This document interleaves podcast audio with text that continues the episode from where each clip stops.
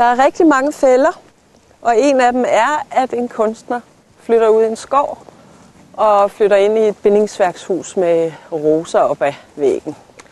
Det er sådan noget, jeg absolut ikke kunne drømme om at gøre, men som jeg så alligevel har gjort. Jeg skal helst gå en tur om morgenen, inden jeg skriver, fordi der, men altså, der sker der det, at jeg i mine bevægelser, det lyder måske mærkeligt, men den måde, som gangen har med kroppen, går jeg og tramper noget frem, som har at gøre med det, jeg gjorde i går. Altså det, jeg skrev i går.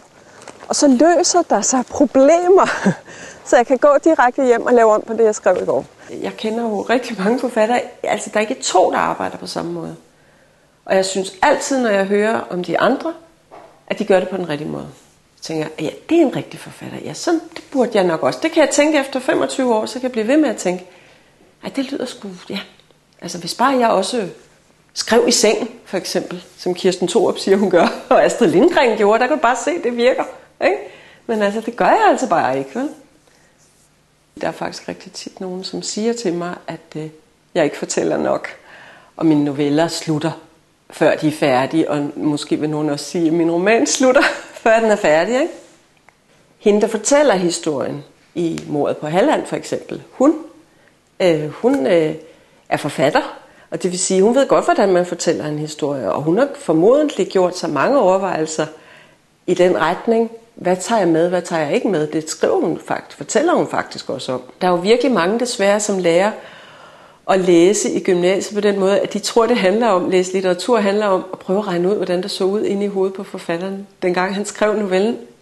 Og det kan forfatteren jo ikke engang selv huske mere, så det er fuldstændig tåbeligt. Men når det bliver sådan, så bliver det rigtig trist at læse. Og jeg synes jo, det smukke er, at man læser selv og tænker selv og får alverdens ting ud af en roman, som muligvis forfatteren aldrig havde tænkt på.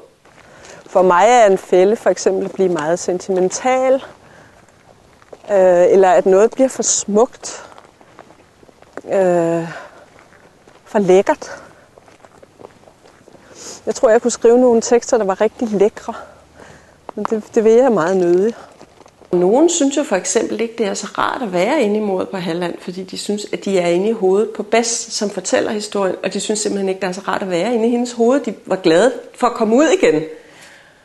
Jeg vil synes, at det er for meget at stå midt i skoven og læse et digt om skoven.